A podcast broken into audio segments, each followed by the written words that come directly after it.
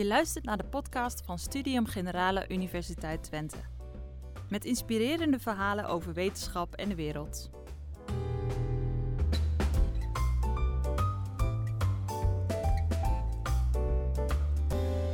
Uh, welkom allemaal.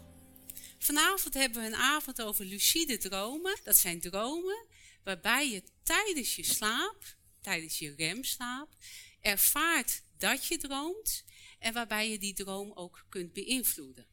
Uh, Tim Post is onderwijspsycholoog. Hij promoveert op dit moment bij de UT op een onderzoek naar leren leren. Graag een applaus voor onze eigen UT-droomreiziger.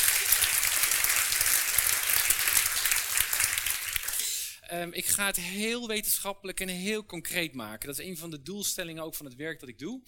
Om dromen toch wel uit de esoterie te halen naar gewoon keiharde wetenschap. Want er wordt heel leuk onderzoek gedaan naar dromen. Het is een heel interessant onderwerp. Um, daarmee beken ik al meteen dat ik met dromen dus niet de dromen bedoel in figuurlijke zin. Dus de droom van een fijne vakantie. Of een droom van, oh was ik maar miljonair. Dat soort figuurlijke dromen. Maar ik bedoel de letterlijke dromen. Die we dagelijks hebben. Overdag, maar ook tijdens de slaap. Allerlei mentale impressies die we hebben van onszelf, over anderen, van eerdere ervaringen of van toekomstige ervaringen. Dat zijn de dromen waarover ik ga hebben. En ja, de misvatting die ik een beetje wil weghalen gedurende de hele avond, is dat die dromen eigenlijk helemaal geen bedrog zijn. In tegenstelling tot wat Marco Borsato vaak zingt. Um, sterker nog, er wordt uh, van alles geschreven, ook op het gebied van mindfulness, maar ook in cognitieve gedragstherapie, literatuur, over hoe dromen eigenlijk ons gedrag bepalen elke dag. En hoe belangrijk het daarom is om bewust te zijn waar we, waar we eigenlijk over dromen, zodat we een beetje regie kunnen voeren, iets droombewuster die regie kunnen voeren over wat we dromen, zodat we daarmee ook ons eigen persoonlijke succes overdag kunnen regisseren. Dat is eigenlijk een beetje de stelling van vanavond. En dat ga ik heel concreet maken. Um, ook in relatie tot nachtdromen. Dat is waar lucide dromen over gaat. Dus ik ga jullie even meenemen in een verhaal. Tot we uiteindelijk belanden bij het lucide dromen. Um, allereerst dus. Ik begin helemaal bij de basis. Dromen gaan wat dat betreft vooraf aan ons gedrag. Ik stel het een beetje voor als een soort ijsberg. Aan de top zou je kunnen zeggen dat is het gedrag wat, je overdag bij jezelf bemerkt of bij anderen. Dat is wat we zien. Hè? Dus ik uh, ben blij, ik ben enthousiast of ik doe iets wel of ik doe iets niet. Gedrag, expressie. Maar eigenlijk onder de waterspiegel, in ons hoofd, spelen er allerlei dromen, dagdromen, ideeën, overtuigingen, die eigenlijk bepalend zijn tot wat we boven de waterspiegel zien van onszelf, dat gedrag een enorme klomp wat daar gebeurt. Dromen spelen daarin een hele belangrijke rol. Nogmaals, dromen niet in de figuurlijke zin, maar in de beelden die door ons hoofd gaan als we denken over onszelf of over allerlei zaken. Um, dus een beetje technisch geformuleerd, dagdromen zijn mentale representaties, mentale impressies zou je ook kunnen zeggen, inbeeldingen. Van onze eerdere of nog mogelijke ervaringen. Je zou kunnen zeggen, dromen is eigenlijk een natuurlijke taal die we gebruiken voor innerlijke dialoog. Een taal waarmee we over onszelf nadenken. Sommige mensen zeggen zelfs dat dat onderscheidt ons van andere diersoorten. Wij kunnen dit heel goed. We kunnen ons dingen voorstellen die er nu niet zijn. Dat maakt ons heel intelligent. Heel interessante formulering. Het is een soort taal, zou je kunnen zeggen. En wat ook interessant is, en dat zie je in allerlei soorten gradaties, zulke dagdromen kunnen heel indringend en heel levendig zijn. Zelfs zo indringend dat het zelfs ook allerlei fysiologische reacties kan ontlokken. Uh, dus als we bijvoorbeeld denken aan een, uh, nou, we hebben een zorgdroom bijvoorbeeld, over oh, morgen heb ik dat enge gesprek met mijn baas, dan ontlokt dat ook adrenaline en kramp en stress. Kan zelfs ons immuunsysteem verlagen, waardoor we meer vatbaar zijn voor ziektes. Dus al denk je, nou, dat is maar gewoon verbeelding. Nou, die verbeelding heeft wel echt een hele directe, concrete invloed op ons functioneren overdag. Dromen zijn niet zo bedriegelijk als je misschien zou denken. Um, ja, dus het is, je zou bijna kunnen zeggen multisensorisch. Het is niet alleen maar, een droom is niet alleen maar een visuele impressie. Je kan ook dingen proeven in je verbeelding. Bijna proeven in je verbeelding. Als je heel veel zin hebt in een pizza, ik had er gisteren heel veel zin in. Dan zit ik op de fiets en dan proef ik al die pizza margherita. Dat herkent u vast wel. Terwijl ik hem niet echt proef, maar moet je indenken hè, dat onze hersenen dat kunnen voorstellen. Het is niet alleen maar een beeld van de pizza, maar ik kan hem bijna proeven. Of iemand die enorm rookverslaafd is, die al die, die sigaret al ruikt. Hè? En dat beïnvloedt ons gedrag. Ehm, wat onderzoek laat zien, ehm, is dat veel van onze dagdromen overdag heel vaak onbewust zijn. We hebben niet door dat we zoveel dromen, dagdromen overdag. Ehm, vaak zijn onze dromen ook best vlakkig, niet zo levendig zoals ik net even beschreef, zoals ze zouden kunnen zijn. Dus dat we dingen kunnen proeven of dingen zelfs kunnen horen, inbeeldend. En vaak zijn het wat, wat snellere gedachten. Ze kunnen heel levendig zijn. Vaak zijn ze ook herhalend. Dezelfde soort dagdromen over en over. Oh ja, ik, ik ben gewoon niet goed op mijn werk. Over en over en over. Of oh ja, zie je, mijn leven is mislukt. Over en over en over en over en over. Vaak zijn die dagdromen dus ook negatief. Kenmerkt veel van onze dagdromen overdag, blijkt. Ehm, en dat maakt dat dat soort onbewuste, herhalende negatieve dromen ook vaak geuit worden in herhalend negatief gedrag.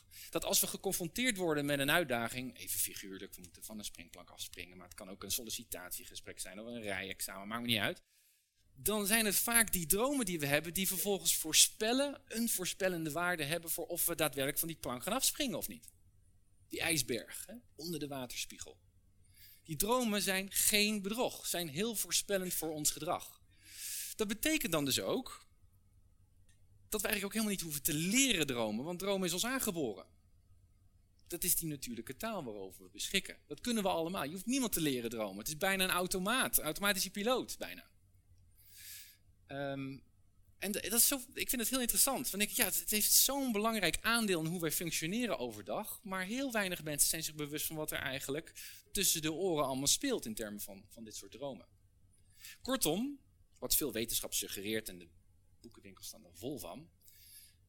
Als die dromen zo belangrijk zijn, zo voorspellend zijn voor ons persoonlijk succes, voor onze daadkracht, voor ons zelfvertrouwen, voor wat we doen of laten in ons leven, dan zouden we dus eigenlijk die droomspier die we hebben hier moeten trainen wat droombewuster moeten leven. Zodat we wat rijkere verbeelding kunnen maken. Ook wat meer positievere verbeelding. Zodat we vervolgens wat meer regie kunnen voeren op ons gedrag. En meer halen uit ons functioneren. Dan wanneer we alleen maar die herhalende zorgdromen hebben. Lijkt vrij voor de hand te liggen. Um, en dat is niet nieuw. Dat roepen al heel veel mensen. Uh, ik noem hier eventjes een paar mensen als Steve Jobs, die al sinds dag nul zeggen: verbeeldingskracht is zo belangrijk en bepalend. Niet alleen maar om met een nieuwe iPad te komen, een nieuw creatief idee, maar ook om lef te hebben, moed te hebben, door te zetten. Op de stip, eh, op de horizon, een idee te hebben van: het gaat me lukken of niet. Heel belangrijk te leven. Ook in sport. Tiger Woods heeft dat bijna gepioneerd in de sport. Dat hij zijn swings al van tevoren al kan voelen voordat hij ze, voordat hij ze maakt. En daarmee die beslissende laatste hole-in-one maakt voor zijn, voor zijn eh, overwinning. Er wordt momenteel ook heel veel gedaan in sport, visualisatie. Het zit niet meer zozeer alleen maar in spierkracht. Kan ik het, maar geloof ik ook dat ik het kan? Kan ik het dromen dat ik het kan? Kunt u zich misschien wel voorstellen. Um, kortom, het onderliggende principe hier, en dat is niet nieuw, heeft nog niks met lucide dromen te maken, maar heel belangrijk onderliggend aan dit verhaal, wetenschappelijk gezien is het daarom heel erg belangrijk dat we droombewuster leven. Zodat we meer grip hebben op wat gaat er nou in ons hoofd. Wat, wat passeert de revue uh, wat dit betreft qua, qua, qua dromen? Waar denken we over? Zijn we, zijn we zelfvertrouwend? Geloven we in onszelf voordat we bepaalde uh, activiteiten beginnen? We moeten doelbewuster leven. En dat zie je in heel veel literatuur momenteel terug. Nou, ik kom bijna bij lucide dromen. Als ik een voorbeeld neem, bijvoorbeeld cognitieve gedragstherapie, een voorbeeld. Um, wat er vaak wordt gedaan in therapie, is dat er wordt gezegd: oké, nou als dan iemand bijvoorbeeld kampt of lijdt aan, aan hele herhalende zorgdromen, um, dan is een hele goede aanpak om eerst die zorgdromen in kaart te brengen. Waar, droomt deze persoon dan vaak over? Waar denkt die persoon heel vaak over? Wat zijn die faaldromen, die zorgdromen nou precies? En die komen zeg maar uit die hersenpan en die, dat is eigenlijk een soort herhalend lusje wat eigenlijk continu zo doorgaat. Komt zo'n persoon bij de therapeut en Goh, ik heb last van dit soort herhalende negatieve zorgdromen. Hoe kom ik hier vanaf. En wat dan vaak wordt aangeraden is gezegd, oké, nou stel dat zo'n zorgdroom dan opkomt, wees er dan bewust van. Word daar mindful van, zou je kunnen zeggen. Het is een soort cognitieve dissonantie. Dus je denkt, oh, daar komt die zorgdroom. hey, hm, zorgdroom. En vervolgens pas daar wat positieve droomregie op toe. Dus als je die zorgdroom hebt, kan je die inhoudelijk iets meer bijschaven of relativeren, zodat het je niet zo grijpt. Zodat je niet zo reflexief reageert op die zorgdroom en denkt, oh ja, het gaat me weer niet lukken. Maar je denkt, wacht even, het is maar een zorgdroom. Kan ik daar ook wat meer positiviteit in brengen? En met het idee dat je vervolgens ook positiever in je schoenen staat en meer succesvol bent. Nou, wat interessant is, dit is al, dit is al heel bekend, zoals ik net al zei. Niemand, vrij weinig mensen, hebben zich afgevraagd of dat principe van droomregie ook toegepast kan worden op onze nachtdromen. We weten dat het in dagdromen al werkt, maar het is heel opmerkelijk dat niemand ooit de sprong heeft gemaakt van als dat zo goed werkt bij dagdroom, zou het dan ook niet werken bij nachtdromen? En dat vind ik extra opmerkelijk, omdat onze nachtdromen nog vele malen indringender en levendiger zijn dan onze dagdromen. In remslaap, ik zo meteen nog wat meer over vertellen, zijn die nachtdromen bijna net zo echt als onze dagelijkse, nou ja, zoals dit moment, zo, zo multisensorisch, zo levensecht zoals dit moment momenteel is, als je wakker bent, zo echt zijn al onze dromen s'nachts in de droomslaap. Dat realiseert zich bijna niemand. Zo echt. Moet je je voorstellen, het is gewoon een virtual reality. Wat ingebakken zit in onze hersenen. Als die verbeelding in onze nachtdromen zoveel malen echter is, zou dan het effect van positieve droomregie in onze nachtdromen ook vele malen sterker zijn dan wanneer we die regie toepassen op onze dagdromen.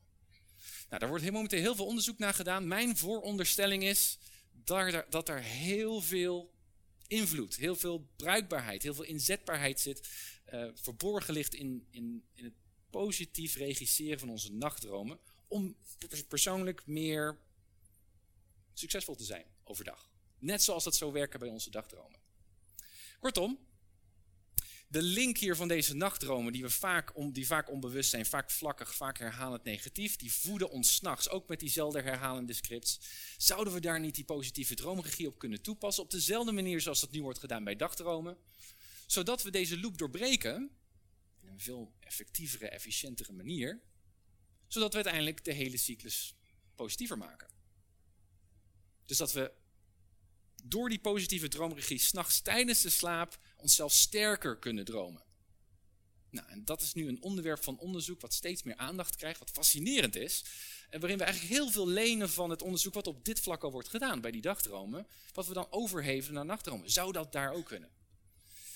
Um, en om dat wat meer concreet te maken, wil ik nog iets meer vertellen over wat die droomslaap nou precies is. Wat er nou precies gebeurt als we aan het slapen zijn, als we in de droomslaap verkeren. Uh, heel veel mensen hebben al ideeën van wat nachtdromen zijn. Ervaringsgericht natuurlijk, maar wetenschappelijk zijn er heel interessante dingen te zeggen over wat er gebeurt in onze nachtdromen.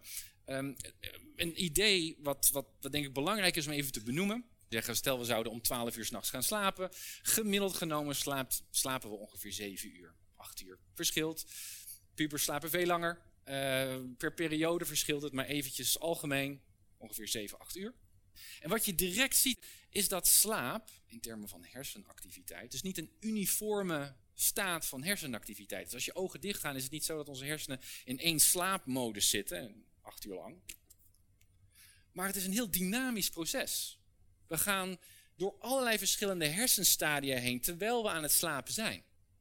Wat ook interessant is, we hebben steeds aan het einde van een slaapcyclus, zo'n duik in het dal en dan weer omhoog, hebben we een beetje remslaap. En, de, en dat remslaapstadium zit eigenlijk best wel dicht bij ons wakende stadium. In remslaap en droomslaap zijn onze hersenen heel erg actief. Bijna net zo actief als wanneer we wakker zijn. Terwijl toch met slaap te maken heeft. Wetenschappers noemen het daarom ook wel paradoxale slaap. Want als je iemand ziet die aan het dromen is in remslaap aan de buitenkant, dan lijkt het net alsof die persoon aan het rusten is ontspannen. Maar stel je zou de hersenschedel of de schedel eventjes open kunnen doen. En even kunnen kijken naar hoe actief de hersenen zijn. Zou je bijna denken dat die persoon wakker is. Dat is opmerkelijk. Dat we in zo'n staat van inactiviteit eigenlijk heel erg actief zijn mentaal. Dus remslaap heeft veel meer te maken met wakker zijn dan met echt diep slapen. En wat je ook ziet is, gedurende de nacht zie je dat we bijna geen diepe slaap meer hebben, in de ochtend bijvoorbeeld hier, maar eigenlijk bijna uitsluitend nog maar remslaap. Dat is ook vaak de reden waarom we wakker worden vanuit een droom, omdat we dan remslaap hebben, eh, als, de wekker zou, eh, als de wekker zou gaan. Eh, er gebeurt heel veel in onze hersenen als we aan het slapen zijn. Als ik inzoom naar wat er nou gebeurt in die remslaap, dus als we alleen die kleine stukjes pakken, en we gaan kijken wat er gebeurt in onze hersenen, dat is nog interessanter. dan kunnen we ook een beetje gaan achterhalen hoe, waar, hoe dromen nou eigenlijk worden gevormd, onze nachtdromen, waar ze vandaan komen in termen van hersenactiviteit. Nou, dit plaatje laat een, even heel grofweg plat, een, het huidige geaccepteerde model zien van hoe dromen worden gevormd. Op basis van allerlei neurofysiologisch onderzoek wordt het activatie-synthese-model genoemd. Treffend twee processen, activatie en activatiegedeelte in de hersenen, activeert de droomslaap en een syntheseproces. Um, in andere woorden, als je kijkt naar hoe groot die gebieden zijn, en eigenlijk doet het bovenste stukje van onze hersenen daar net zo goed aan mee trouwens, is het eerste punt al, het is niet zo dat als we aan het dromen zijn, dat er maar een heel klein stukje van ons brein verantwoordelijk is voor de droom. Als we in de droomslaap zitten, doen onze hele, al onze hersenen doen mee in dat spel, om, om die levende, levensechte droom te creëren.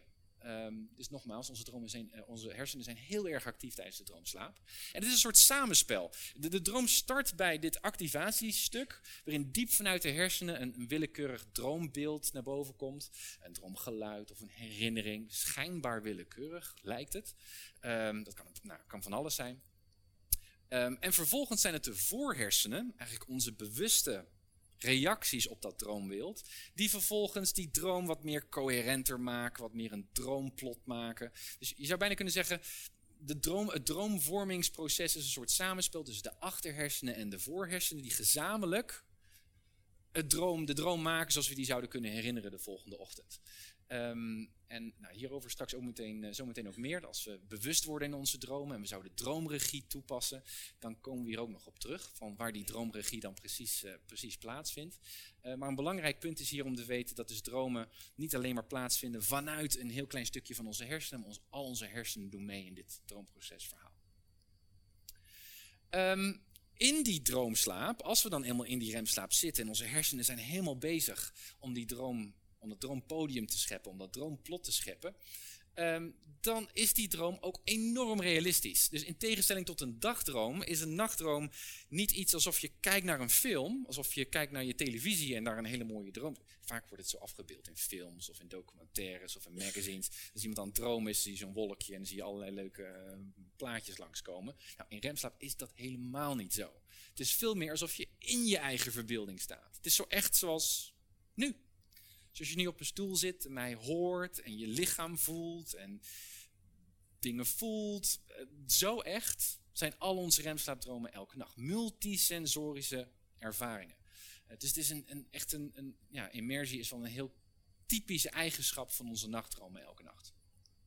Dat maakt ze dan dus ook levensecht, ook vaak gebaseerd op al eerdere ervaringen die we al hebben gehad vanuit het dagelijks leven. We dromen dat we op ons werk zijn, of we dromen dat we weer op dat verjaardagsfeestje zijn. Maar er is altijd iets creatiefs gaande, waardoor het plot net wat anders is dan normaal. En dat heeft te maken met dat activatieproces in onze hersenen, die willekeurige droombeelden die naar boven komen. Dus dan dromen we bijvoorbeeld over dat verjaardagsfeestje, maar in één keer komt onze baas langs. Of uh, in één keer dan, nou, heel creatief associatief worden verschillende herinneringen of verwachtingen met elkaar gekoppeld. Dat maakt dromen wat dat betreft wat minder levensecht. Maar zintuigelijk gezien zijn het hele indringende ervaringen, hele levensechte ervaringen. Nou, zoals ik net al verklapt, het is ook heel associatief, uh, dat proces van onze dromen. En dat maakt onze dromen, al onze dromen, eigenlijk al inherent hele creatieve dromen. We hoeven niet te leren creatief te zijn, dat zit al ingebakken in onze droomslaap. Nou, dat geeft vervolgens ook een kans voor lucide dromen. Want als we eenmaal die, die hele levensechte droomslaap hebben, die hele levensechte droomervaring, kunnen we leren om bewust te worden van die droomervaring terwijl we er middenin zitten. Bijvoorbeeld doordat we opmerken dat onze dromen zo associatief zijn. Dat we een over, dromen over ons verjaardagsfeestje. En ik er klopt Obama aan. En dat we denken, dit is heel erg raar. En in de ervaring in keer denken, ja, maar dit is zo raar. Misschien ben ik aan het dromen. En plof, heb je in één keer droombewustzijn in de droom. En word je niet wakker en stopt de droom ook niet, maar er komt gewoon wat droombewustzijn bij. En dan ben je nog steeds in die levensechte droom. En op dat moment weet je, ik lig eigenlijk met mijn ogen dicht nu in bed te slapen, maar ik bevind me nu in mijn eigen fantasie. Dat is een fantastische ervaring. Al heb je maar één lucide droom. Ontzag, de ontzagwekkende kracht van onze hersenen hiertoe. Het is mega interessant. Um, dus je wordt wakker in je eigen in dromenland, zou je kunnen zeggen. Maar je wordt niet echt wakker. Je, hebt ook niet, je voelt ook niet dat je in bed ligt. Het voelt alsof je, nou, alsof ik hier nu mijn presentatie sta te geven. Dat ik eigenlijk niet weet dat ik in bed lig te slapen. Zo echt zijn onze dromen dan. En het gave daarvan is, is met dat droombewustzijn weet je ook, ja, maar dit is dus mijn fantasie. Dus ik kan de droomregie nemen. Ik kan nu doen wat ik wil doen. Ik kan vliegen, ik kan me teleporteren naar Disneyland, ik kan miljonair zijn. Alles is mogelijk. In een levensechte ervaring terwijl ik aan het slapen ben. Dat is de lucide droom. En misschien als je al een beetje wat therapeutische mm, verwachtingen en ideeën hebt, dan denk je, nou, daar kan je natuurlijk misschien wel interessante dingen mee doen. Misschien kan je in die ervaring mensen wel helpen om van bepaalde angsten af te komen. Of, dat is al een beetje vooruitlopend op mijn verhaal. Dus dat is de lucide droom, kort gezegd. Dromen met droombewustzijn. Nou, dat is niet een geforceerde staat van dromen. Lucide dromen komen spontaan, natuurlijke wijs voor in onze slaap. Ongeveer 20% van ons heeft elke maand een lucide droom. Heel veel kinderen hebben lucide dromen tijdens nachtmerries of als ze ziek zijn s'nachts komen ze ook vaak voor. Heeft niks te maken met ziek zijn, maar te maken met dat ze vaak wakker zijn en wat meer alerter zijn. Um, dus lucide dromen is niet iets geforceerds of iets onnatuurlijks. We hebben allemaal lucide dromen. Alleen vrijwel niemand weet dat dit lucide dromen heten. Laat staan dat ze er wat mee kunnen doen. Belangrijk ook is, en dat, dat hebben we te danken aan wetenschappelijk onderzoek, het is leerbaar. Je kunt leren om droombewust te worden van je dromen. Zodat je er gebruik van kunt maken. En nou, bijvoorbeeld vannacht te denken, nou ik ga slapen, ik, word, ik ga dromen. En dan word ik droombewust. Wat ga ik doen? Wat zijn nou droomervaringen die ik kan gebruiken? Waar ik sterker van word. Waar ik de volgende ochtend van wakker word en denk, dat was gaaf. Of, oh, ik voel me goed. Of, hé, hey, dat heeft me op een idee gebracht. Um, dat is lucide dromen. En wat mij betreft, en wat betreft ook wat andere wetenschappers die hiermee bezig zijn, zou je kunnen zeggen dat lucide dromen dus een gereedschap is om te werken aan positieve verbeelding over onszelf. En daarmee dus een gereedschap voor ons persoonlijk succes. Want onze dromen gaan vooraf aan ons gedrag.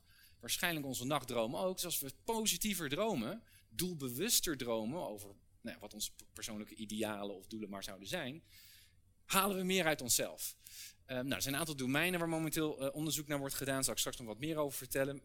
Bijvoorbeeld ook nachtmerries. Mensen die kampen, lijden aan terugkerende nachtmerries. Die dus met droombewustzijn nu droombewust kunnen worden in de nachtmerrie. Om vervolgens er een positief einde aan te breien. Want zij, hebben, kunnen de droomregie voeren daar. En af kunnen komen aan hele traumatische, chronische nachtmerries. Een hele belangrijke toepassing. Denk bijvoorbeeld aan mensen die, in, uh, die hebben gevochten in oorlog. En nou, continu nog dat soort hele nare dromen hebben. Die durven soms zelfs niet eens meer te slapen van de angst. Omdat ze dan weer in die droom komen. Nu in de nachtdroom zelf, ter plekke, de droom kunnen positiever kunnen maken. En van die nachtmerries af kunnen komen. Heel interessant onderwerp. Mentale repetitie, sport. Uh, in Duitsland worden nu lucide dromen toegepast. Werd al een, al een tijd gedaan. Waarin atleten hun competities voorbereiden in hun lucide dromen s'nachts zodat ze overdag met meer zelfverzekerdheid, maar zelfs ook met betere motoriek wakker worden. Je wordt niet sterker wakker, dat kan natuurlijk niet. Dus je spieren worden niet steviger als je een, een, een positieve sportdroom hebt gehad. Maar wel de aansturing lijkt. Dus je wordt behendiger in je droom. Is bijvoorbeeld een, een lucide een studie gedaan, ook super gaaf. Um, een, een, een, studie waarin ze mensen hebben geleerd om een salto te maken in hun lucide droom, zonder dat ze die overdag een keer hebben gedaan dat werkte goed in deze, in deze context, omdat salto baseert zich op allerlei hele natuurlijke intuïtieve verbeelding. Dus het gevoel van zwaartekracht zit allemaal bij ons wel best ingebakken. Dus ze dachten, laten we nou eens een groep mensen leren om in hun lucide dromen een salto te maken. En dat moeten ze een paar keer succesvol hebben gedroomd in een lucide droom. En vervolgens mogen ze voor het echi doen. En wat bleek? Iedereen maakte een feilloos perfecte salto. Interessant toch? En wat ze zagen was ook dat er hersenactiviteit overheen kwam. Met het maken van een echte salto overdag. Al onze hersenen, al onze hersengedeelten zijn betrokken in die droom. Als dat principe al opgaat, hoe ver kunnen we dit oprekken, dit principe? En onze hersenen, je zou bijna zeggen fysiologisch gezien, neurofysiologisch gezien, zien onze hersenen het verschil niet tussen waken en dromen. Het is eigenlijk bijna weerspiegeling. Hetzelfde wat ze hebben gedaan met zingen bijvoorbeeld. Um, zingen versus um, hardop tellen volgens mij. Of gewoon, gewoon tellen. Um, waarin je dezelfde hemisferische afhankelijkheid ziet. Dus als je bijvoorbeeld zingt, dan zie je dat de ene hersenhelft actief wordt. Als je telt of iets meer rationeel ziet, zie je dat de andere hersenhelft meer oplicht. Zou dat ook gelden in de lucide droom? Als je zou dromen om te zingen of dromen om op te tellen. Het blijkt precies dezelfde. Dus heel veel van diezelfde activiteit, die chic woord, psychofysiologische correlaties, dus de correlatie tussen de psychologie en je fysiologie, gaan ook op in de droom. Heel interessant. Het is echt een simulatie, die droomslaap van ons wakende leven.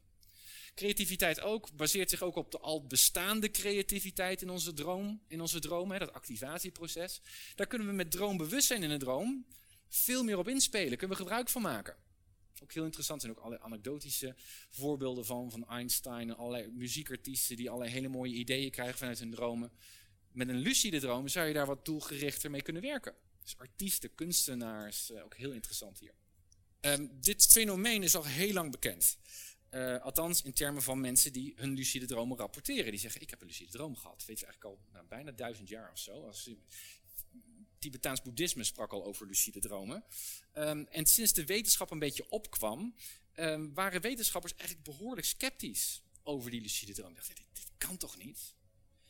In die lucide, we zijn aan het slapen op dat moment. We zijn toch ontzettend onbewust in die droomslaap. Hoe kan je nou droombewust worden in dromen? Dat is eigenlijk een tegenspraak, want een droom betekent letterlijk dat je niet weet in welke staat van bewustzijn je verkeert. Dat is letterlijk wat een droom betekent. Dus een lucide droom, een droombewuste droom, dat is eigenlijk gewoon tegenspraak. Dus heel veel wetenschappers en filosofen in die tijd, die zeiden van dit kan gewoon niet, dit is onzin. Lucide dromen bestaan niet. Anderen die zeiden, nou ja, want mensen bleven maar dat dit soort lucide dromen rapporteren. Die zeiden, nou oké, okay, zeiden wetenschappers, weet je, misschien Oké, lucide dromen kunnen niet bestaan. Misschien is het zo dat mensen gewoon dromen over lucide dromen. Interessant, hè? Wetenschappelijk is dit heel interessant. Je droomt gewoon over dat je lucide bent, maar dat is niet echt een lucide droom, want je droomt het maar gewoon. Hmm. Um, en velen zeiden ook dus, misschien is een ander tegenargument, misschien ben je in die lucide droom al gewoon deels wakker. En je bent een beetje wakker en ondertussen zit je in een slijmerslaap en dat zorgt ervoor dat je denkt dat je bewust bent, droombewust, maar eigenlijk ben je gewoon wakker terwijl je hoofd nog een beetje doorslijmert. Nou, allemaal tegenargumenten, want die lucide droom bestaan niet. Nou, er was een onderzoeker, gelukkig, Steven LaBerge, um, een, een, droomonderzoeker op de Universiteit van Stanford, een prestigieuze universiteit in Amerika. Hij had ook heel veel lucide dromen gehad en hij dacht, dit klopt gewoon niet. Ik heb zelf ook lucide dromen gehad. Ik voel niet mezelf liggen in bed. Het voelt echt alsof ik in mijn fantasie sta. Ik ben echt droombewust naar mijn gevoel, naar mijn ervaring. Het bestaat. Kunnen we dit niet wetenschappelijk gaan bewijzen? Heel interessant. Dus hij voelde zich gepassioneerd genoeg, geïnteresseerd genoeg om te gaan bewijzen dat die lucide droom überhaupt bestaat. Hoe pak je dat aan? Hm. Nou, wat hij heeft gedaan, ik vond, ik vond het geniaal.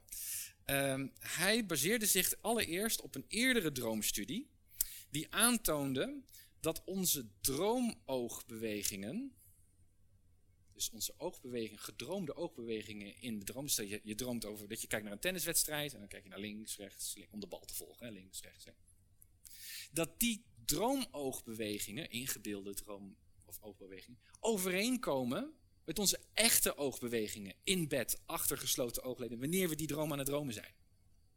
Dus als ik, nogmaals, die tennisdroom, ik zit in de droom, zit ik te kijken naar een tennisbal die over wordt geslagen. Met mijn ogen, hè? dus niet met mijn hoofd, maar gewoon met mijn ogen.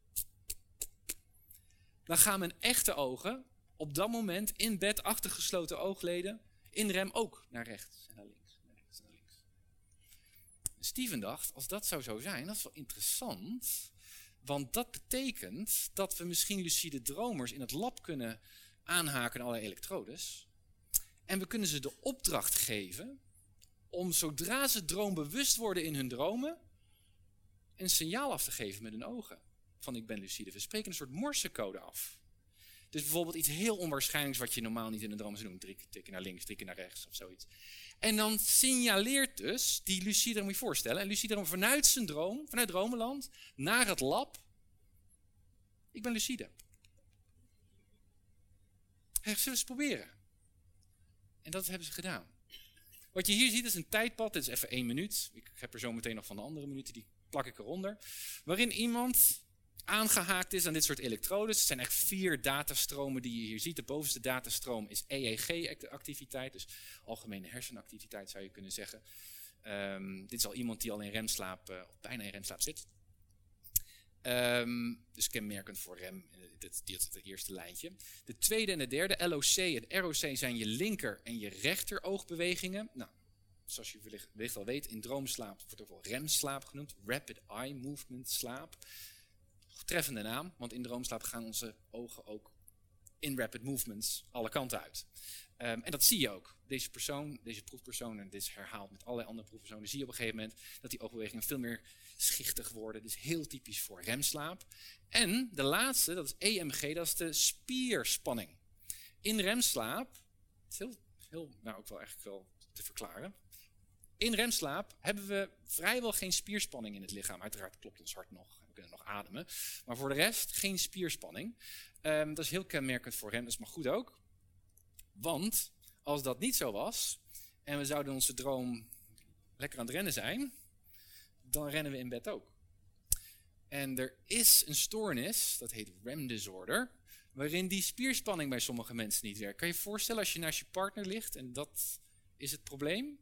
Dat je dus gewoon uit je bed wordt geschopt omdat je partner heel hard aan het rennen is. Of in één keer wijst naar iets. Of zo. Als je daar veel, je moet zoeken op YouTube. Dat is echt, je schikt je helemaal kapot.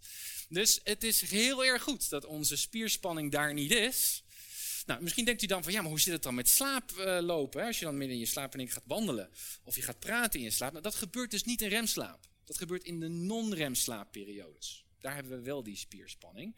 Um, dat eventjes terzijde. In ieder geval in droomslaap geen spierspanning, ogen, rapid eye movements en je ziet een bepaalde hersenactiviteit die in dit geval kenmerkend is voor hem. Kortom, Steven in zijn lab verzamelde een aantal proefpersonen die goed konden lucide dromen. En hij zei, zodra jullie lucide worden, in remslaap, en we kunnen zien wanneer je in remslaap zit, we kunnen ook zien wanneer je wakker wordt of niet. Hè, dus al dat sluip, slijmersla, slijmerslaap, tegenargument, gedoe, kunnen we daarmee weer leggen. Dan wil ik dat je, volgens mij, twee keer naar links en twee keer naar rechts kijkt, achter elkaar. Als je vervolgens um, denkt wakker te, worden, wakker te zijn geworden vanuit de droom, dan wil ik dat je datzelfde signaal twee keer doet. Met diezelfde oogbewegingen. Zodat we ook weten wanneer de proefpersoon denkt dat hij wakker is. That's it. Dat was de opdracht. Nou.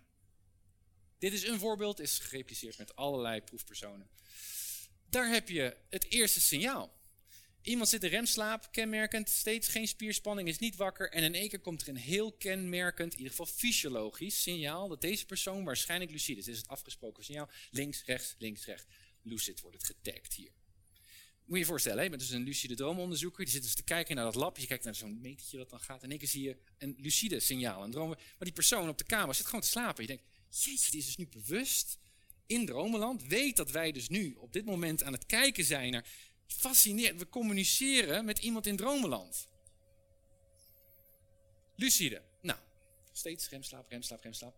Nu gebeurt er iets aparts bij deze proefpersoon, toevallig. Dit is het signaal, dus twee keer die links, rechts, links, rechts, dat deze persoon denkt dat hij wakker is. Maar als je kijkt naar de fysiologische data, zie je nog steeds geen spierspanning, nog steeds rapid eye movement, nog steeds EEG, dat past bij rem. Maar toch geeft deze persoon aan vanuit zijn droom dat hij wakker is. Dit is het wakker zijn signaal. Dus wat gebeurt hier? En natuurlijk, Steven zit in dat lab en die ziet die persoon nog steeds slapen. Dus je denkt, wat gebeurt hier? Vervolgens, deze persoon, dus deze, het is telkens een minuutje, een minuutje verder, zie je deze persoon vervolgens weer een signaal maken. Dit is een niet bestaand signaal overigens. Dit is drie keer links, rechts, links, rechts, links, rechts. Vervolgens wordt die persoon wakker. Je ziet in één keer spierspanning hier ontstaan. Ook meteen hele andere hersengolven. Wakker. Nou, en op dat moment stapt Steven natuurlijk dat lab in, loopt naar die proefpersoon toe en zegt, waar droomde je net over? We hebben ook subjectief bewijs nodig. Als die persoon zegt, ja, ik heb geen lucide droom gehad. En die persoon zegt, ik heb een lucide droom gehad. Maar het was echt heel vaag, want ik werd wakker, ik werd droombewust in mijn droom. En ik werd droombewust in een droom waarin ik in het slaaplab was. Komt heel veel voor, trouwens. Je droomt, die mensen zijn natuurlijk helemaal aan het denken, ik moet een experiment uitvoeren in mijn droom. Daar ga je, daar ga je ook over dromen. Dus die, die, die werd lucide in een droom, waarin hij dus wakker werd in het droomlab. En op dat moment in die droom kwam Steven naar deze persoon toegelopen. Die zei, ja, het is niet gelukt hè. Stom, stom, hier hebben we je voor betaald. En die trok dus die, die, die elektrodes van die persoon af in de droom. Zo van, nou ga jij maar naar huis. Maar vervolgens kwam hij daarna een tijdje achter in de droom. Dit is wel heel erg raar dat Steven zo boos was en dat, dat ik niet ben geslaagd in die droom. Waarschijnlijk droom ik nog steeds. En toen ontdekte deze persoon dat hij dus nog steeds aan het dromen was. Dus hij wilde weer het signaal doen, maar hij maakte gewoon een foutje. Hij dacht, shit, dit, dit signaal bestaat helemaal niet wat ik doe met mijn ogen in de droom. Dus ik corrigeer het eventjes snel, zodat Steven in het lab weet, ik ben echt droombewust. Vervolgens ging hij vliegen, vliegen, vliegen, vliegen, vliegen, vliegen. En toen werd hij wakker en zei hij, ah, nu ben ik hier. Fascinerend, toch? Dus op deze manier is voor de allereerste keer een lucide droom aangetoond. Maar het laat ook zien hoe reflectief en hoe creatief, hoe, hoe complex we kunnen nadenken in remslaap in een droom. Er gaat best wel veel denkkracht verschuilt in dit, in dit, in dit typische geval.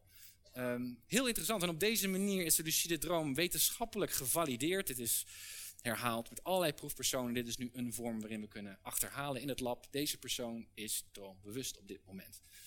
Ehm, er zijn inmiddels allerlei veel meer geavanceerde uh, apparatuur waarmee we nog specifieker kunnen kijken wat er precies gebeurt als iemand droombewust wordt in de hersenen. En die hersenstaat kunnen vergelijken met gewone slaap of met wakker zijn. Zodat we eigenlijk het stukje droombewustzijn, fysiologisch gezien, kunnen isoleren, kunnen duiden. Van dit is dus blijkbaar het stukje hersen wat actief wordt als we droombewust worden. Wat mogelijk iets kan verklappen over wat bewustzijn zou kunnen zijn. Of nou, noem het maar. Um, nou, en momenteel is de, is, is de theorie dat lucide dromen wellicht een soort van hybride staat van bewustzijn is.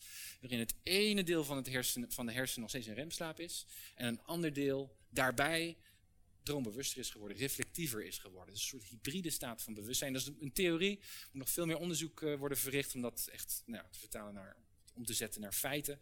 Uh, maar het is heel interessant onderzoek wat hier wordt gedaan, fysiologisch gezien. Even een paar vragen, kritische vragen die wellicht wel door je hoofd spelen. Ik, er zijn nog veel meer te noemen, maar ik noem er even een aantal. Uh, heel veel mensen stellen me meteen de vraag, ja is leuk Tim, droomsturing. Maar is dat eigenlijk wel handig? Want misschien moeten we dromen over bepaalde dingen, waar we nou dus niet meer over dromen, omdat we de droom aan het regisseren zijn. Dat is een enorme misvatting.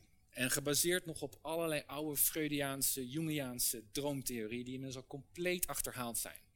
Um, dromen ook lucide dromen, vragen om onze actieve deelname. Eigenlijk sturen we onze dromen elke nacht tijdens de slaap. Dat is dat synthese-stukje. Als je dat model nog even herinnert, activatie en synthese, die twee, dat samenspel in de hersenen. Dat syntheseproces, dat is eigenlijk onze eigen interpretatie van de droombeelden die opkomen in de droom. En de manier waarop wij erover nadenken en wat wij voelen en wat we doen en wat we verwachten in de droom bepaalt voor een deel, voor de helft zou je kunnen zeggen, hoe de droom zich ontvouwt. Dat gebeurt elke nacht tijdens de slaap, ongeacht of we droombewust zijn of niet. Dus droomsturing heeft ook niks te maken met lucide dromen. We sturen onze dromen elke nacht.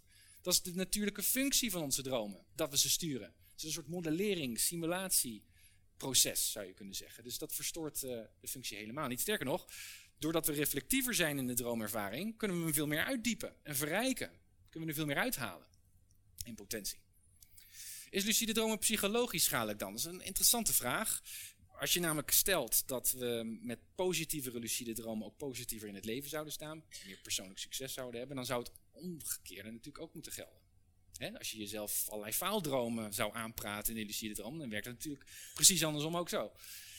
Dat is een heel interessante. Zegt ook iets over de verantwoordelijkheid van de lucide dromer. In onze cursussen helpen we en begeleiden we natuurlijk ook al onze oneironauten, onze lucide dromers, om positieve dromen te, uh, te regisseren. Enerzijds onderschrijf ik helemaal het feit dat, nou, dat er mogelijk een potentie is, een kans is dat mensen die lucide droom misschien op een verkeerde manier inzetten. Net zoals ik het met een dagdroom zou kunnen doen. Als je overdag alleen maar denkt, ik ga iemand uh, pijn doen. Ja, is de kans groot dat dat natuurlijk ook aanleiding gaat geven tot dat gedrag. Maar bijna, bijna niemand zou dat zomaar doen. En als het zo is, heeft het niks met de lucide droom te maken maar gewoon met de lucide dromer over hoe die in zijn schoenen staat.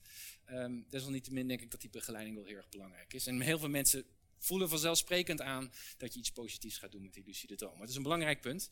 Rust je nog wel uit? Ook een hele belangrijke vraag of opmerking die vaag wordt, uh, wordt geplaatst. Ja, want eigenlijk die droomslaap heeft helemaal niks te maken met uitrusten. In de droomslaap zijn onze hersenen superactief. Bijna net zo actief als wanneer we wakker zijn. Die droomslaap heeft helemaal niks te maken met uitrusten. Het maakt niet uit hoe druk we zijn in onze dromen. Daar is onze non-remslaap, onze diepe slaap voor. Dus dat extra beetje droombewustzijn voegt daar eigenlijk helemaal geen extra drukte aan toe. Sterker nog, in zo'n normale zorgdroom, waarin er allerlei stressvolle dingen aan de hand zijn, kun je in zo'n droomregie daar een veel positievere droom van maken, waar je veel meer uitgeruster van wakker wordt. Dat zijn ook over het algemeen de effecten die we, uh, die we daarvan gerapporteerd krijgen. Nou, gegeven die lucide droom, gegeven ook de wetenschappelijkheid, de validatie van die lucide droom, dacht Steven en ook allerlei andere lucide droomonderzoekers, nou kunnen we interessante experimenten doen die nooit eerder mogelijk waren. Want we kunnen die lucide dromers in het lab allerlei opdrachten geven om dingen te doen in hun lucide dromen, zodat wij als onderzoekers in het lab kunnen gaan kijken hoe reageert het lichaam, fysiologisch gezien, op die psychologische ervaringen die ze kunnen opdoen in die droom. Nou, ik noemde net al het voorbeeld van zingen. Uh, andere is bijvoorbeeld, um, nou, uiteindelijk blijkt dat dus ehm, iets te zijn wat ze hier hebben onderzocht. Als je je adem inhoudt in een droom, houd je dan ook je adem in in bed? Kun je nu onderzoeken. Want je kan iemand opdracht geven, wordt lucide, maak een oogsignaal. Dan weten de, weten de onderzoekers, oké, op dit moment is deze persoon lucide. Ze weten dat ze dan hun adem in moeten houden voor 10 seconden. Dat repeteren ze ook voordat ze gaan slapen. En vervolgens gaan wij kijken in het lab of diegene ook zijn adem inhoudt of niet. En wat blijkt? Ja, als je je adem inhoudt in een droom, doe je dat ook in het echt.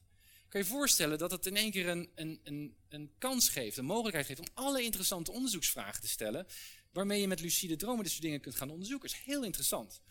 Um, belangrijk punt hier wel is, en dat vind ik een heel terecht punt, en daar gaat momenteel de meeste discussie over, um, waarbij onderzoekers zeggen, ja maar wacht even, wacht even. Als je iemand de opdracht geeft om in een lucide droom zijn adem in te houden, dan kunnen we alleen maar zeggen dat als je je adem inhoudt in een lucide droom, dat dan het zo is dat je je adem inhoudt. Maar dat wil nog niet zeggen dat het in een niet-lucide droom ook zo is. Want misschien is die lucide droom wel een hele anders, andersoortige droom. Dat is wel een goed punt. Dus het is nog steeds een beetje een generalisatie. En dat maakt momenteel dat het lucide droomonderzoek nog steeds een beetje een eigen biotoop is. En dat al die lucide dromers heel driftig proberen te sterk te maken dat die lucide droom fysiologisch gezien nog heel erg lijkt op een gewone niet-lucide droom, zodat we van elkaar kunnen leren. Maar heel veel droomonderzoekers zeggen, ja, doordat je droombewust zijn, doordat je droombewust bent, zullen er andere processen gaande zijn, waardoor we niet meer kunnen generaliseren. Dat is heel interessant. En er zijn voor beide kampen zijn er allerlei dingen wat te zeggen, maar nou, vervolgonderzoek zal daar hopelijk wat meer over uitwijzen. In ieder geval, hoe dan ook. Of die lucide droom een ander soort droom is of niet. Wat we weten is dat we in ieder geval mensen die lijden aan nachtmerries kunnen verhelpen van die, van die nachtmerries. Door droombewust te worden. En die naar een ander um, einde kunnen laten regisseren. Heel erg interessant. Om een voorbeeld hier te noemen. Um, ik heb ook een cursist gehad die um, droomde van een soort van achtervolging van een, van een hele akelige vrouw. Zij noemde dat een heks. dus dan droomde ze en dan werd ze achterna gezeten door die vrouw. En dat vond ze dood en doodeng. Volgens mij was ze 30 jaar oud of zo. Ik weet niet, echt dood. Ook op het punt dat ze bijna niet meer wilde gaan slapen. Um, dus elke nacht zat ze in een droom en heel hard hollen, rennen en ze werd continu achtervolgd. Dus ze nam deel aan de workshop en zei: Goh, ik zou nou droombewust worden worden in die nachtmerrie en dat een ander einde willen geven. Nou, er zijn er allerlei verschillende manieren hoe je dat kan doen. Kunnen we ook een hele avond mee vullen, therapeutisch gezien, hoe je dat kan aanpakken in een notendop, um, vaak is het veel slimmer om dat niet op een geforceerde manier te veranderen. Bijvoorbeeld als zij dromenbewust zou worden in die nachtmerrie dat ze gewoon wegvliegt. Ik bedoel, ja, het is toch maar je eigen droom. Je, kan, of je, je doet er iets heel anders mee met die droom. Maar je kan ook die droom inzetten, die, dus je de droom inzetten, om ervan te leren van die nachtmerrie, van die angst. Dus de tip die ik haar gaf met allerlei andere voorbereidende oefeningen was, eerst volgende keer dat je weer die nachtmerrie hebt, die wordt achtervolgd. Hol dan niet, maar sta stil en draai eens om. Wie is eigenlijk diegene die je achtervolgt? Dat bedoel ik niet met allerlei esoterische bedoelingen. Heel psychologisch, cognitief, therapeutisch verantwoord. Van kijk je angst eens in de ogen. Want er is niks te vrezen, het is maar een droom. Wie achtervolgt je eigenlijk? En als je eenmaal diegene in de ogen kijkt, wie is het? Is het een bekende in je droom? Kan je die persoon ook vragen, waarom zit je me eigenlijk achterna? En ga dan maar eens kijken wat er gebeurt in die droom. Heel interessant. Dit soort dingen worden ook gedaan in dagdromen. Dus dat je je verbeelding juist recht in de ogen kijkt en daarvan leert. Een soort acceptatiemethode. nou, bij deze persoon, die deed dat. Vond dat doodeng. Zat er achter, achter te rennen. Denk, oké, ik ben droombewust. Ik weet, het heb ik geoefend. Ik moet omdraaien, maar kloppend hard. Het is hartstikke eng. Het is levensecht, hè. Dus je voelt echt iemand achter je aan zit. Dus zei ik, oké, niks te vrezen. Ik stop. Draait om ziet een hele akelige, heks, eng mens ook stoppen. En die stopt voor haar en ze zegt, een beetje gerepeteerd, waarom achtervolg je me? En die dame die zegt in haar droom, ja, er zit een hele grote spin achter op je rug. Ik wil dat ding eraf halen, maar jij blijft maar rennen. Ik wil je helpen en ik word er helemaal gefrustreerd van. En zij begint zo hard te lachen in die lucide droom. En al haar spanning viel weg. Ze heeft dan nooit nooit meer die nachtmerrie gehad. En bovendien, niet alleen maar dat, ze heeft ook iets geleerd over hoe je je angst in de ogen kan kijken. En te zien hoe je met je verbeelding kan spelen. Zitten nog veel meer andere lessen verscholen in die ervaring. Nou, dit is een voorbeeldje van allerlei soorten voorbeelden die ik langs zie komen in mijn, um, in mijn praktijk. Waarin mensen leren om op een wat meer spelende, spelende wijs met hun verbeelding te spelen. In dit geval in nachtdromen. Om van zichzelf te leren, om meer zelfinzicht op te doen, maar ook om van allerlei angst af te komen en allerlei positieve dromen te regisseren.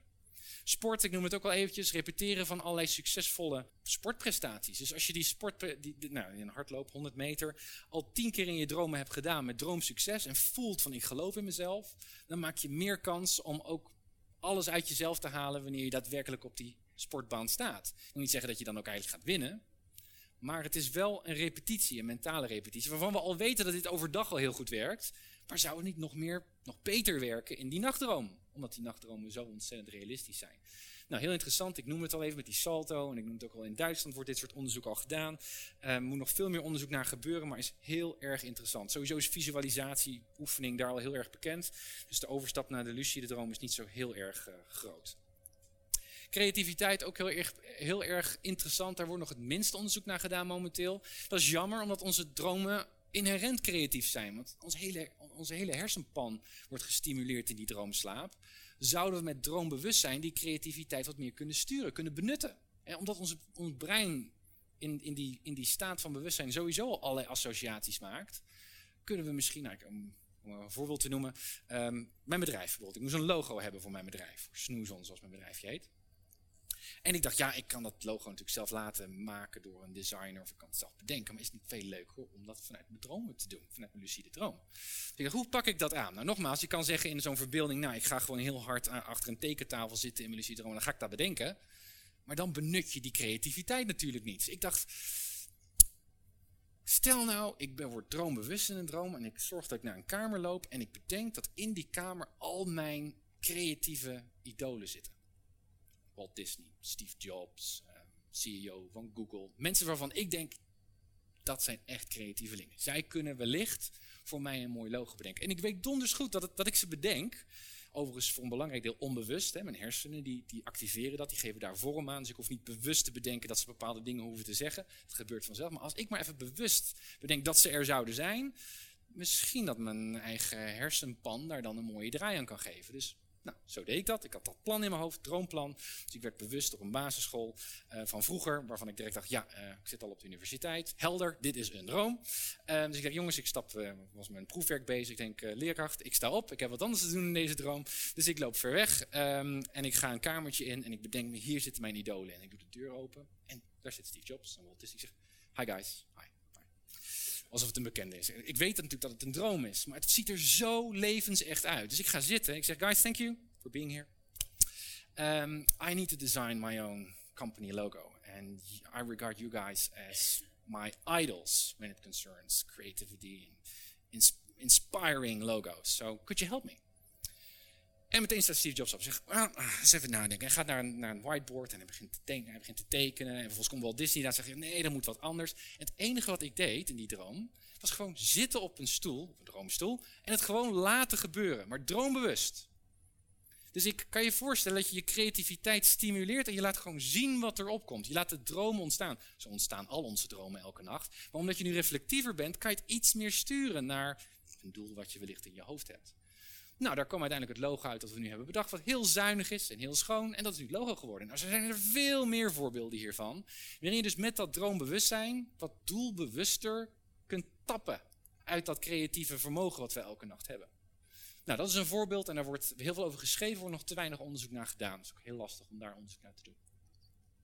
Nou, dit tot nu toe vat samen wat de lucide droom is, hoe je het zou kunnen beoefenen, wat je eraan hebt. Ik zou het ook nog heel leuk vinden, ook een beetje op verzoek, om nou ook wat te vertellen over, ja, stel je vindt dit interessant, hoe kan je dit nou leren? Het is leerbaar. Dit is een gereedschap. We kunnen allemaal dromen. We kunnen allemaal droombewust worden. Hoe zou je dat kunnen doen? Dus daar wil ik me nu op richten. Nou, over het algemeen bestaat dat leren lucide dromen uit twee leerdoelen. Eerste taak is, hoe word ik droombewust? Hoe word ik lucide? Dat is de eerste taak. Je moet eerst je dromen leren opmerken als droom. Van, oh ja, ik ben aan het dromen. En dan ben je daar. Vervolgens met dat droombewustzijn kan je beginnen. Zeggen, oké, nu ik dan droombewust ben, hoe neem ik dan de droomregie? Dat zijn twee onafhankelijke componenten van het uh, lucide dromen. En die rusten ook allebei op twee onafhankelijke skillsets, zou je kunnen zeggen. Andere vaardigheid. Je kan dus bewust worden van een droom, en nog niet in staat zijn om die droom te regisseren. Dat zijn twee onafhankelijke vaardigheden. Dat is interessant. Om een voorbeeld te noemen, mensen die worden droombewust. Die denken, oh, ik ga meteen vliegen. En die staan dan in die lucide droom. En dan gaan ze in de superheld pose. dan springen ze en dan vallen ze weer neer. Het is toch een droom? Interessant waarom dat niet zou lukken, want je weet het is maar een droom. Wat gebeurt daar? Ga ik zo meteen over vertellen, wat, daar, wat daarachter zit. Dus dat zijn twee verschillende dingen. Andersom, we kunnen ook dromen hebben waarin we vliegen, maar waarin we niet bewust zijn. Dus het zijn, het zijn, het zijn twee onafhankelijke componenten. Nou, hoe zit dat leren lucide dromen in elkaar? In een notendop. Dit, is een, dit kost normaal een maand aan, aan cursus en training. Dus ik ga het heel erg um, nou ja, korter, uh, korter beschrijven hier, maar ik hoop wel krachtig. Over het algemeen is het een drie-stappenplannetje. Eerst is je moet leren je dromen herinneren. Dat kun je leren overigens. Daar zal ik zo meteen over vertellen. Het is niet zo dat als je... Uh, we dromen namelijk elke nacht. We gaan elke nacht door die droomcyclus heen. He, dus ongeacht wat we doen, we gaan altijd door remslaap heen. Het ligt aan de intentie om je dromen te herinneren of je vervolgens wakker wordt van het feit of je aan het dromen bent of niet. Kun je leren. Zal ik zo meteen ook wat over vertellen. En dat doe je om vervolgens die dromen op te schrijven in een droomdagboek, om vervolgens te achterhalen wat je dromen nou zo droomachtig maken. Wat je droomervaringen onderscheidt van je wakende ervaringen, zodat je ze kan opmerken als dromen. En in alle gevallen, als wij vannacht, vannacht gaan slapen, zullen de meeste van jullie niet door. Jullie denken dat je wakker bent in je dromen, dat het de werkelijkheid is, maar eigenlijk ben je aan het dromen. Dus je moet leren herkennen wat je dromen nou zo droomachtig maakt. Dus als je eerst gaat analyseren, ja, hoe zien mijn dromen er nou eigenlijk uit? Waar droom ik nou vaak over? Dan heb je een soort analysestap gedaan. En je denkt, oké, dat maakt me, ik, dit maakt mijn dromen nou zo droomachtig. En dan kun je voorbereid gaan slapen met het idee, de volgende keer, als ik weer in een ervaring zit, ben ik extra alert op het herkennen van dat droomsignaal, want dan herinner ik dat ik aan het dromen ben. Simpel, toch? Versimpeld hoor. Maar dit is het idee. Nou, daar plak ik nog even voor de. Omdat we toch. Het is de studium generale. Ik plak er nog twee extra dingetjes aan vast. Zijn heel erg belangrijk. Nogmaals, de lijst is veel langer dan dit.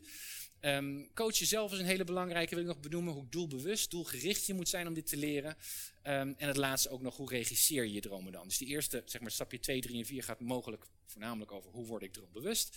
En die andere gaan veel meer over het, uh, het, het regisseren van je droom. Oké, coach jezelf. Um, heel erg belangrijk. Uh, het leren lucide dromen is geen trucje. Het lijkt op een sport. Een denksport, zou je kunnen zeggen. Um, het is dus niet zo dat je met een, met, een, met een aantal strategietjes... dat je meteen vannacht al als je favoriete superheld door je dromen kan vliegen. Waarschijnlijk. Sommige mensen kunnen dat. Um, maar dan zou je kunnen spreken van aanleg of van talent. Je kan het veel meer vergelijken met het leren lopen van een marathon aanhoudende oefening. Moet leren een aantal dingen te doen. Dus het, het, kost meestal de meeste mensen een maand om een eerste opzettelijke lucide droom te hebben. Um, met wat meer training kan dat uiteindelijk een veel hogere frequentie van lucide dromen krijgen. In mijn tijd, ik was zo gefascineerd hierdoor en ik wilde er heel veel van weten, had ik op een gegeven moment meerdere lucide dromen per nacht. Um, puur door de fascinatie ervan. Tegenwoordig lucide droom ik helemaal niet meer zoveel meer. Maar doe ik het alleen maar gericht als ik een bepaalde vraag heb. Of een bepaald idee. Of denk, god, daar kan ik een, goede, ik lucide droom voor gebruiken. En dan heb ik een lucide droom. Of dan pas ik de oefeningen toe om die lucide droom te hebben. Dus ik zet het veel meer in als een gereedschap. Je hoeft niet altijd te lucide dromen. Dat hoeft helemaal niet. Wanneer je dat ding wil gebruiken. Um, nou ja, dat, en dat is het eerste belangrijke punt. Om dat voor elkaar te krijgen, dat hele leren lucide dromen, daarom is het ook echt een sport. Zitten er allerlei andere facetten in die je eigenlijk zou moeten bewerken. Die je zou moeten verzekeren voordat je hiermee begint. Voldoende slaap is een hele belangrijke. Zonder slaap geen droomslaap. En zonder droomslaap weinig kans op lucide dromen. Um, dus in andere woorden, oneironauten, lucide dromers, zijn per definitie noodzakelijkerwijs gezonde slapers. De eerste les in onze cursus is gezond leren slapen. Want als je niet genoeg slaapt, ja, heb je die droomslaap niet. Dus dat is een hele belangrijke. Nou, discipline, zelfvertrouwen, zo zijn er nog veel meer andere factoren. Ik richt me zo meteen op doelbewustzijn. Ook een hele belangrijke. Maar is ook leuk, want hij laat nog even een beetje zien waar je allemaal aan kunt denken. Want alles is mogelijk in die lucide droom. Het is heel erg goed voordat je hiermee begint om een idee te hebben, wat is nou mijn droomwens? Wat zou ik doen in mijn lucide droom als ik vannacht lucide word? In die levensechte simulatie. Wat zou een ervaring voor mij zijn die bijdraagt aan mijn ontwikkeling? Dat is een hele interessante vraag. Heel veel cursisten doen hier heel lang over. Van ja, oké, ik ga vliegen. Oké, dat is leuk. Niet zo heel erg bijzonder. Kan je dat nog creatiever maken? Dat is interessant hoor.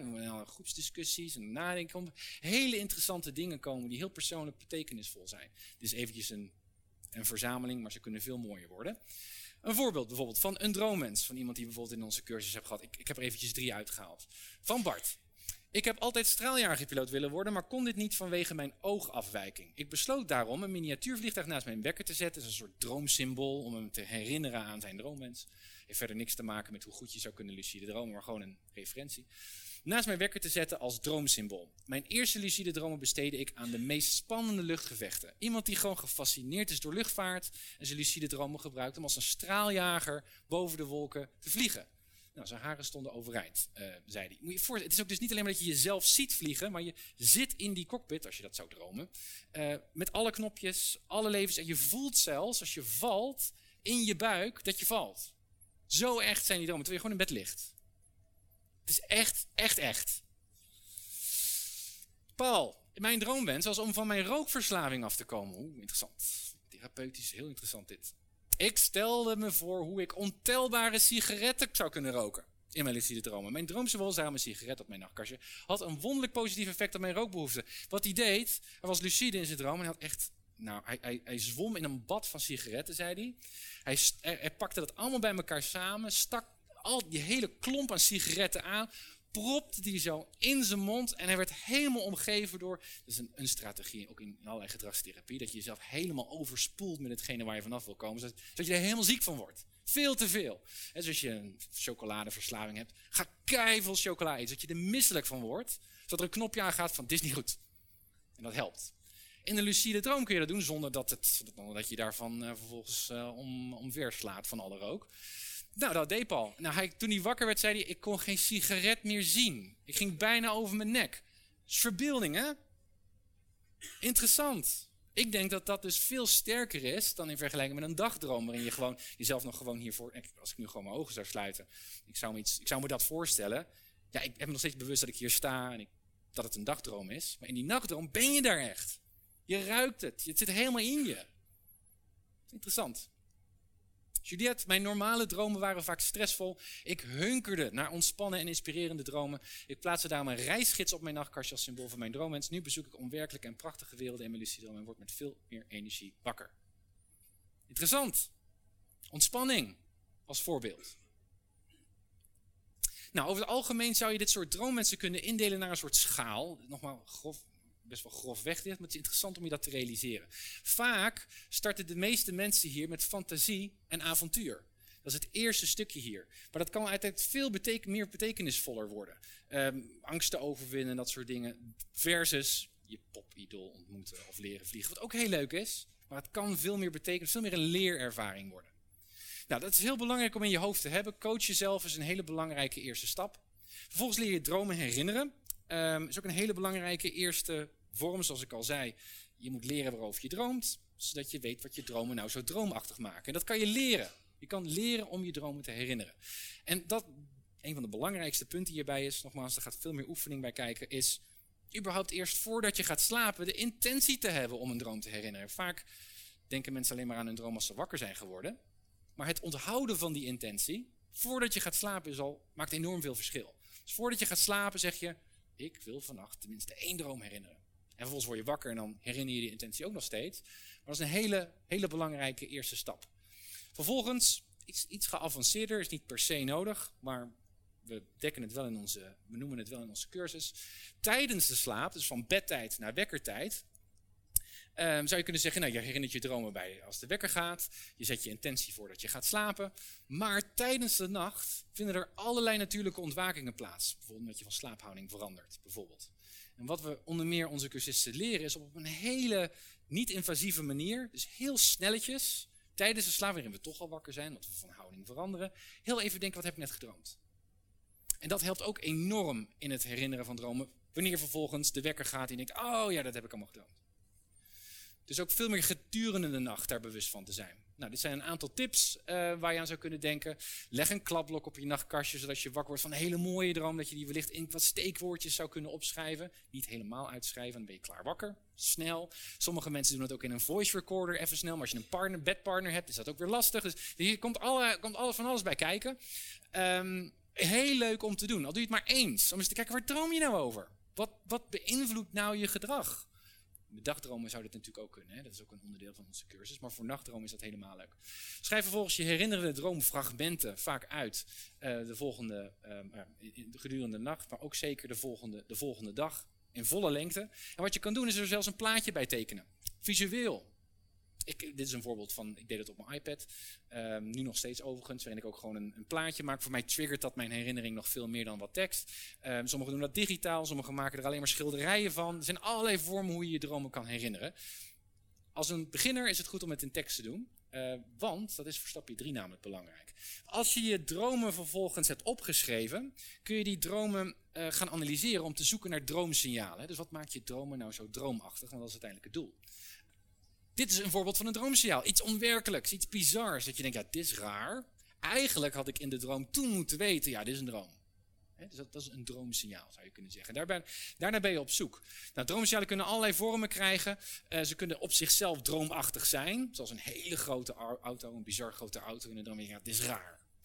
Uh, het kan een actie zijn, het kan een context zijn die raar is. Je kan heel erg extreme gevoelens hebben. Dat kan een droomsignaal zijn. Het kan ook te maken hebben dat het niet zozeer op zichzelf droomachtig is, maar gewoon heel typisch is voor je dromen. Iets wat je overdag niet zo vaak beleeft, maar waar je wel vaak over droomt. Dat kan ook een droomsignaal zijn. En daarna ben je eigenlijk op zoek. Dus wat je gaat doen is in je droomdagboek, als je dat een paar keer hebt opgeschreven, zoeken naar die droomsignalen. Zodat je gaat zien, waar, wat zijn nou mijn meest voorkomende droomsignalen?